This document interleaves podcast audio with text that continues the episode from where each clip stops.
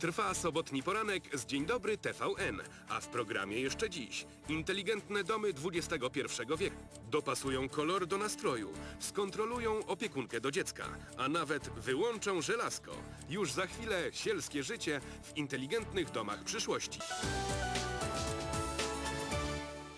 Pół wieku temu powstały miasta uznane za idealne metropolie XX wieku. Brazylia, nowa stolica Brazylii i Chandigarh w Indiach.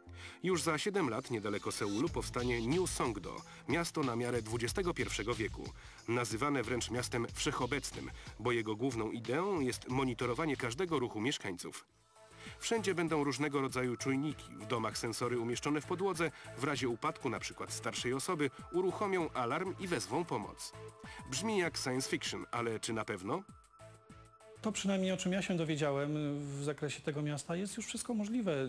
Nie tylko w Korei, ale u nas możemy to zrobić. To nie są żadne, żadne cuda. Mm, Myślę, że te cuda będą dopiero we wnętrzach. Te cuda to na przykład ekrany ciekłokrystaliczne zamiast okien i ściany, które wyświetlają obrazy lub zmieniają kolor. Ale to za kilkadziesiąt lat, a dzisiaj trendem jest wyposażanie już istniejących domów w takie systemy, dzięki którym stają się one domami przyszłości.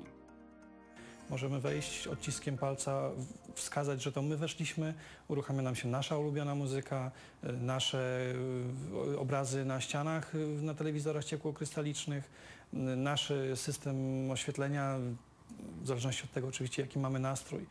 Już za dwa lata w centrum Warszawy stanie pierwszy w Polsce apartamentowiec na miarę XXI wieku, zaprojektowany przez Daniela Libeskinda.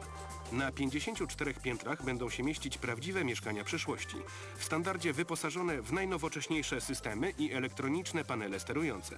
Wieżowiec na Złotej 44 stanie tuż obok najnowocześniejszych budynków w centrum, właśnie otwartych złotych tarasów i biurowca przy rondzie ONZ.